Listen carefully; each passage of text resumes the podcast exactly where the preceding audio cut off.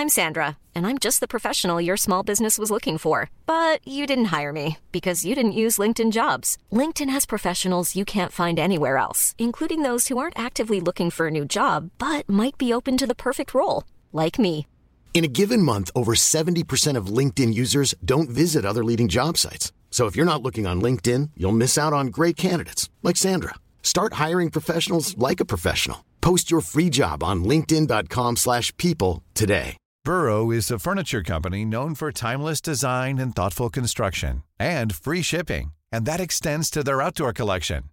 Their outdoor furniture is built to withstand the elements, featuring rust-proof stainless steel hardware, weather-ready teak, and quick-dry foam cushions.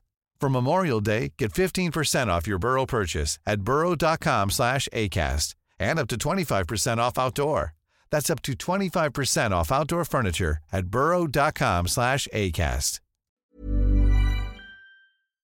August 31st. Little baby percent. It's only us touring Made it out the treasure this type of at. Capital One Arena. Get ready for an epic summer. Lil Baby's IOU tour has finally touched down.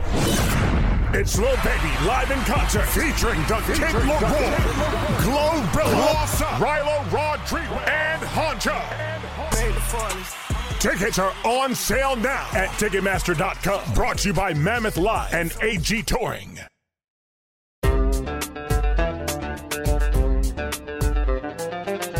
بودكاست صوت.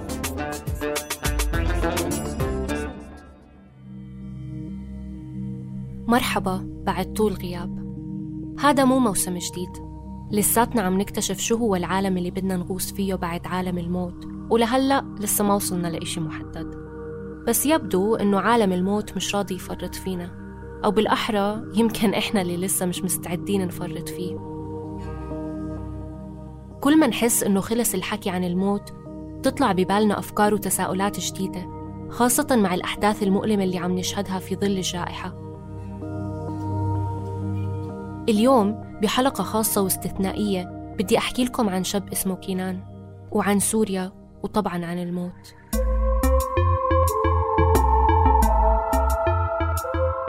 إذا منطلع على الصورة الكبيرة ومننسى ولو لحظيا الكوارث الطبيعية والحروب منلاقي إنه عالمنا منظم كتير ومتوقع إلى حد كبير. الأرض بتدور بشكل منتظم الأطفال بينولدوا وهم عم يبكوا والإنسان لابد إنه يكبر مع مرور الزمن. وكأنه في إيقاع بيضبط أنماط الحياة مهما كانت مختلفة. بس بهذا البودكاست ندعوكم تنضموا إلنا لنكتشف عوالم جديدة ونغرق مع بعض بإيقاعات بتختلف عن اللي تعودنا عليها. عوالم مجردة وبديلة عوالم متداخلة عالم جوا عالم جوا عالم تماما مثل اللعبة الروسية ماتريوشكا. أنا تالا العيسى بهالموسم رح أبلش معكم من أصعب مكان من عالم الموت.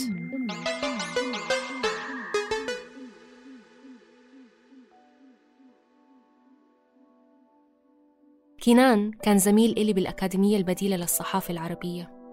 ما التقيت فيه ولا مرة وجها لوجه وما لحقت أتعرف عليه عن قرب. بس بتذكر إنه كان دائما يشارك memes مضحكة وصور ساخرة على group الواتساب الخاص بطلاب الأكاديمية. بشهر 8 الماضي بيوصلنا إيميل من كينان بعنوان محبة وحرية وبقولنا فيه إنه ضايل له كم شهر وبيموت. كان بيعاني من السرطان لفترة طويلة وللأسف ب 21 أكتوبر 2020 قدر هالمرض الخبيث إنه يخلي كنان فعلا يفارق الحياة.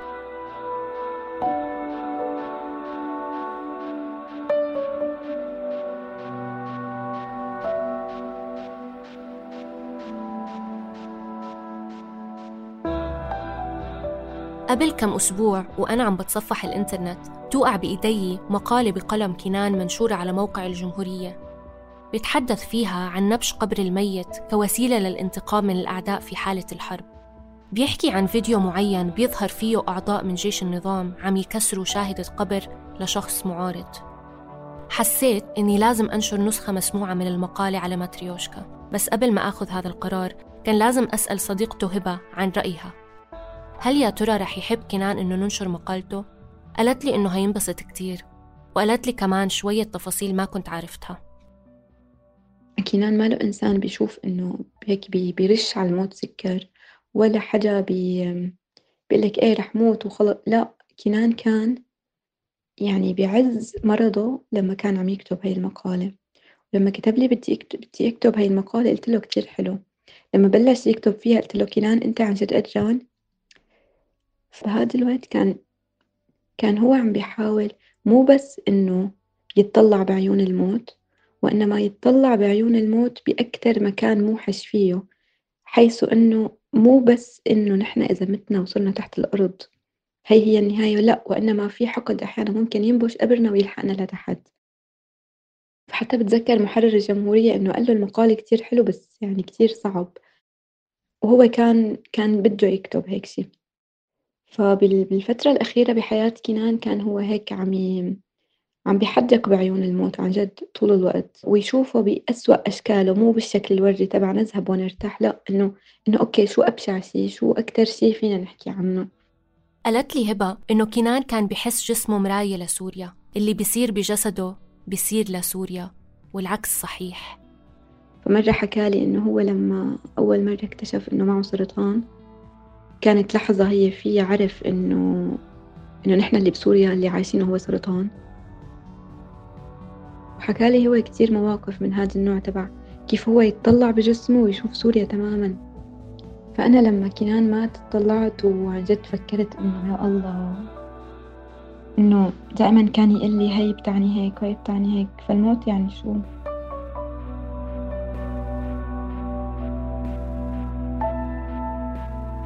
هاي الحلقة مهداة لروح كنان كبة.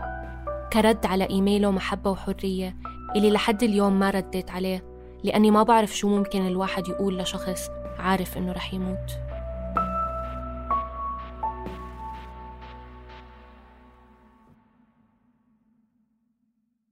اسم المقال إنكوت عظامه موقع النشر الجمهورية تاريخ النشر 23 نيسان 2020 جالسا أمارس هوايتي التي لم أخترها التزحلق على فيسبوك العكروت. يجمع هذا الأزرق كثيرا من المتناقضات. اخبارا عن لاجئين يجوعون هنا صورا لقطة تأكل مع أصحابها هناك فتيات تظهر مفاتنهن بقدر ما تسمح أدبيات زوكربيرغ. وبدون سابق إنذار يقفز في وجهي تسجيل مصور يفرض نفسه على شاشتي دون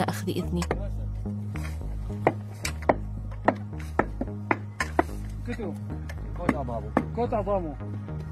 اذني أربعة مخلوقات يتراكضون حول ضريح شخص ما.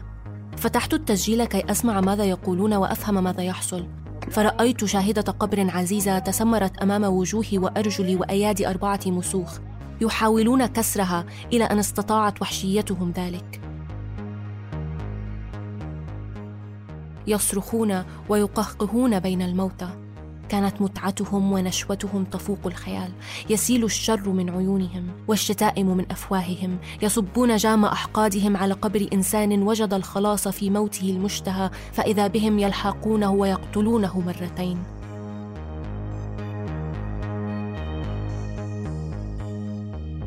أنهيت التسجيل ورميت هاتفي ورحت أتأمل الأرض تحتي.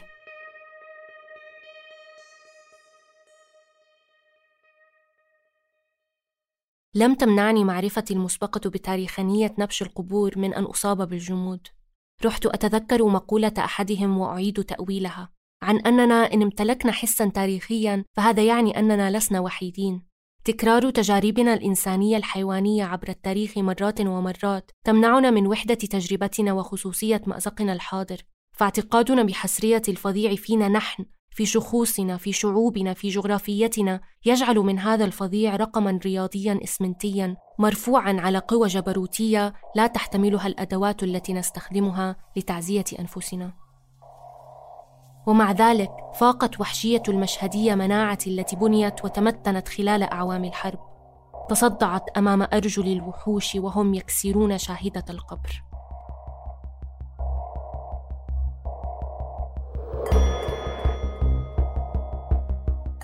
جرائم نبش القبور وتدنيس المدافن والتنكيل بجثث الأموات قديمة قدم التاريخ ذاته. على سبيل المثال، تدل رقم الآشوريين على نبشهم لقبور الملوك الذين هزموهم في المعارك. وفي زمن الفراعنة نهبت وتعرضت للسرقة العديد من المقابر، واعتاد البيزنطيون صلب جثث أعدائهم. وراح كسرى ملك الفرس يصلب جثث معارضيه، وذهب الأمويون إلى صلب جثث بعض من بني هاشم وبني قريش. ومن ثم قام العباسيون بنبش قبور بني أمية على حد سواء.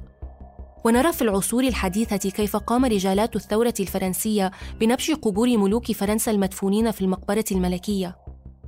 كما تكررت حوادث مشابهة في فترة الحرب الأهلية الإسبانية حينما نبشت ميليشيات جمهورية جثث رهبان وراهبات الأديرة.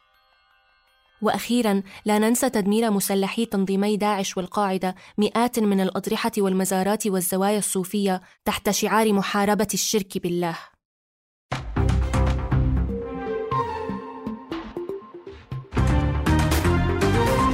متسما بالموضوعية الصحفية أعود إلى صياغة الخبر ببلاده.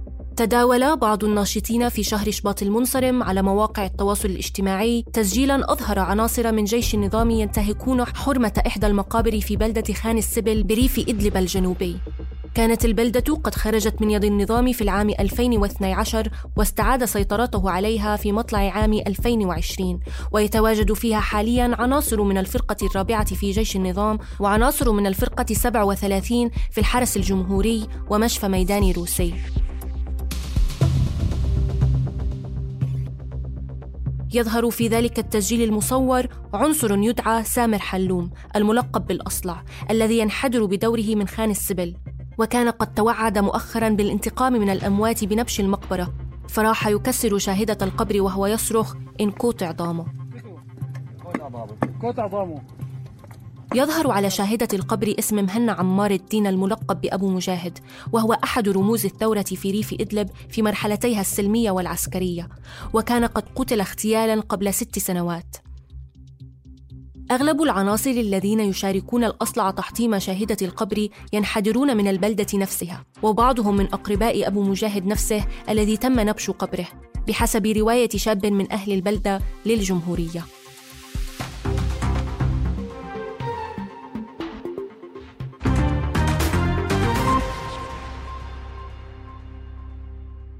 ينتهي هنا نقل الخبر موضوعيا ويقفز السؤال كيف ينتقل وعينا من حالة إكرام الميت دفنه إلى حالة كوت عظامه وكسر شواهد المقابر ضمن أهالي البلدة الواحدة؟ للجواب على السؤال الفظيع نحتاج ربما لإعادة التفكر والنظر في المثل الشعبي المقدس. حين يموت أحد ما قريب أو صديق أو أنت نفسك ويتحول من شخص حي كانت له طباع وأفكار وأفعال وسمات معينة وتاريخ إلى جثة توقف معها زمنه الشخصي. تأتي بعد هذا التحول مسيرة تحلل هذه الجثة التي تمر بثلاث مراحل مرعبة ضرورية الذكر والتأمل.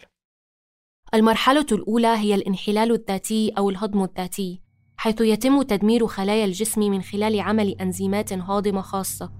وكنتيجة للتحلل الذاتي يتكون سائل بين طبقات الجلد مما يجعله يتقشر بسهولة ومن ثم يبدأ الذباب في وضع بيضه في فتحات الجسم. العينين والأنف والفم والأذن والجروح المفتوحة وغيرها. وبعد فقس البيض تخرج اليرقات تحت الجلد وتبدأ أكل الجسم الميت.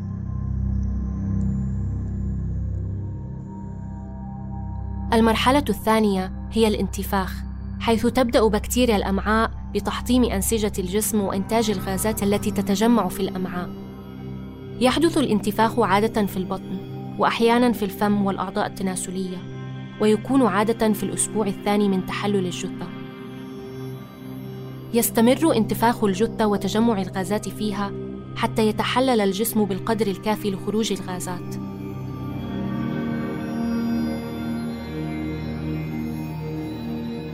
المرحلة الثالثة والأخيرة هي التعفن وهي أطول مرحلة. يتحلل الجهاز الهضمي والمخ والرئتان أولاً وفي الظروف العادية يصعب التعرف على أعضاء الجسم بعد ثلاثة أسابيع نتيجة تحللها الكامل. تؤكل العضلات بواسطة البكتيريا وتلتهمها الحيوانات آكلة اللحوم. بعد عدة سنوات لا يتبقى من الجثة إلا الرفات. الهيكل العظمي.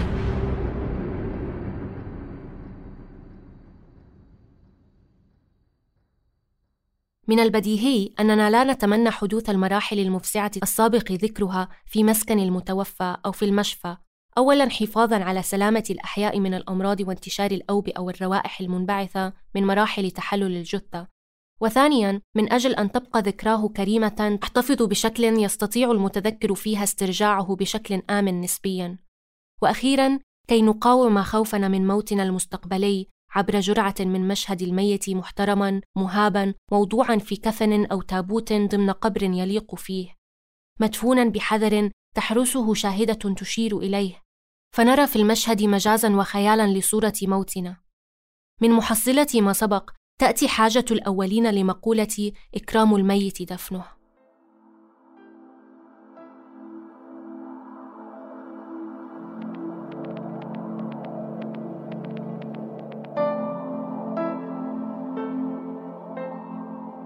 تؤول شاهدة القبر كنص صوري يكثف بقاء هذا الإنسان الذي تحول إلى عدم وجثة ضمن إطار صورة معينة في الذاكرة تحضر فيها الورود غالبا لتصنع هذه الشاهدة صياغة تجعل ذوي المتوفى وأحباءه يتصالحون مع موته خلال حياتهم.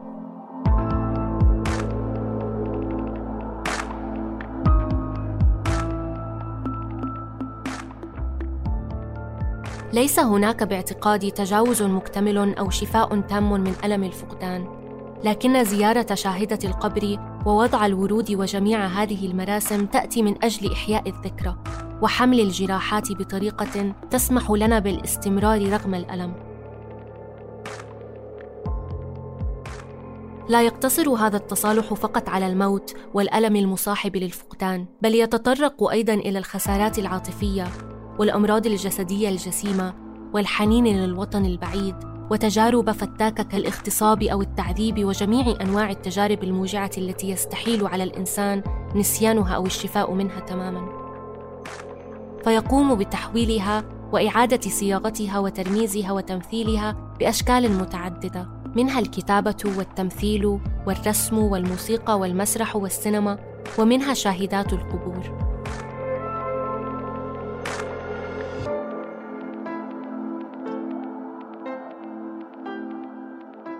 أن نكتب يعني أن نجرب البقاء لمدة أطول حتى لو امتلأت ذواتنا عبثية ولا جدوى. أن نكتب يعني أن نحاول الخلود ما استطعنا بحسب قوة نصوصنا التي نكتبها وفاعليتها وفاعليها. هكذا فعلت الآلهة وأنبياؤها كلهم لتبقى وتتكاثر بالكلام والنصوص. أن نكتب يعني أن نحاول نشر معرفة ما أو خطاب ما أو أن نحاول التصالح مع ألم ما وأن نصيغه ونصيغ ماضينا معه بنصوص سواء كانت علما أو فلسفة أو دينا أو دستورا أو قصيدة أو حتى شاهدة قبر.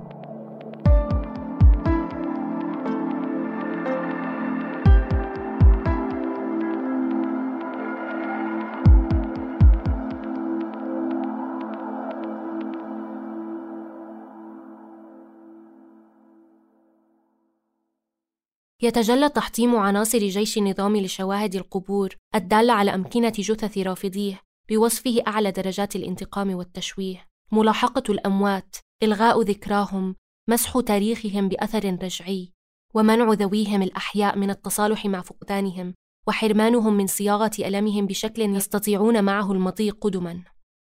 وأن يكون أولئك المجرمون من أهالي بلدة صاحب الشاهدة ذاتها أو حتى من أقربائه فإن هذا يمضي بالقصة إلى آخرها. كأن من حطم الشاهد يقول أنا خان السبل وليس صاحب القبر وأمثاله. تماما كما يقول النظام أنا سوريا وليس أنتم وأمثالكم. لم يكتف عناصر جيش النظام بتحطيم شواهد القبور ونبش العظام فحسب بل استغلوا وسائل التواصل والكاميرا لفتح أعين باقي مواطنيهم. وهذا هو الفعل المعاكس للوداع اللائق الذي يقوم به سائر البشر لموتاهم. لقد استطاعوا انتهاك حرمة الموتى إلى أبعد مدى وملاحقتهم أمام الأعين إلى عالمهم الثاني. وهكذا فإننا لا نتعجب من أن بعض سوريي الشمال يأخذون في نزوحهم مع أمتعتهم شواهد قبور أحبائهم.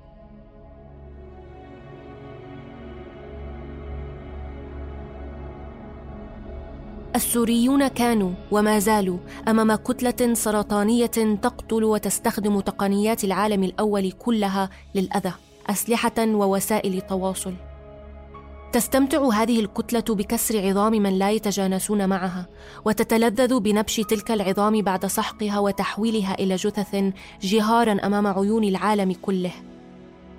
لا بديل أمامنا عن انتزاع زمام حياتنا وموتنا من أيدي صانعي القبور ونابشيها ذات يوم.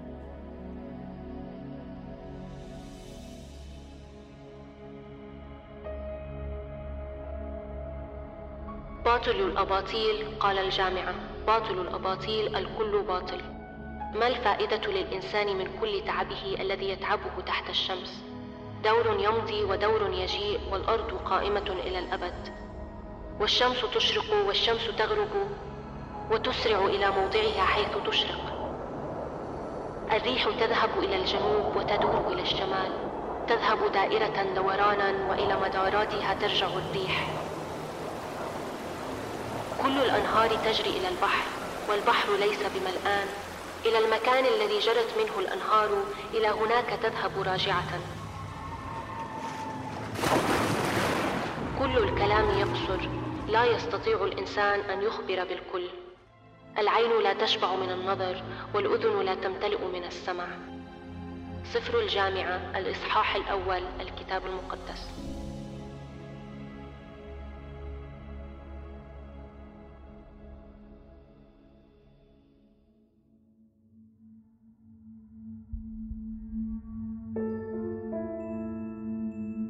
كنت معكم من الإعداد والتقديم تالا العيسى. قرأت لكم مقالة كوت عظامه للكاتب والرفيق كنان كبة اللي نشر المقالة بموقع الجمهورية.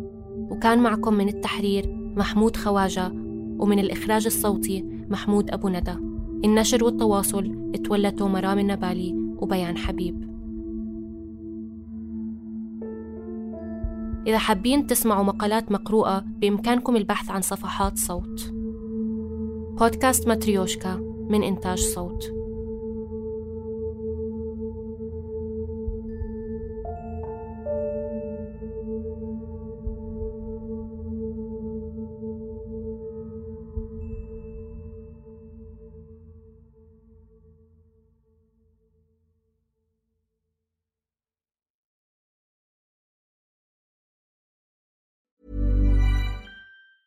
Even when we're on a budget, we still deserve nice things.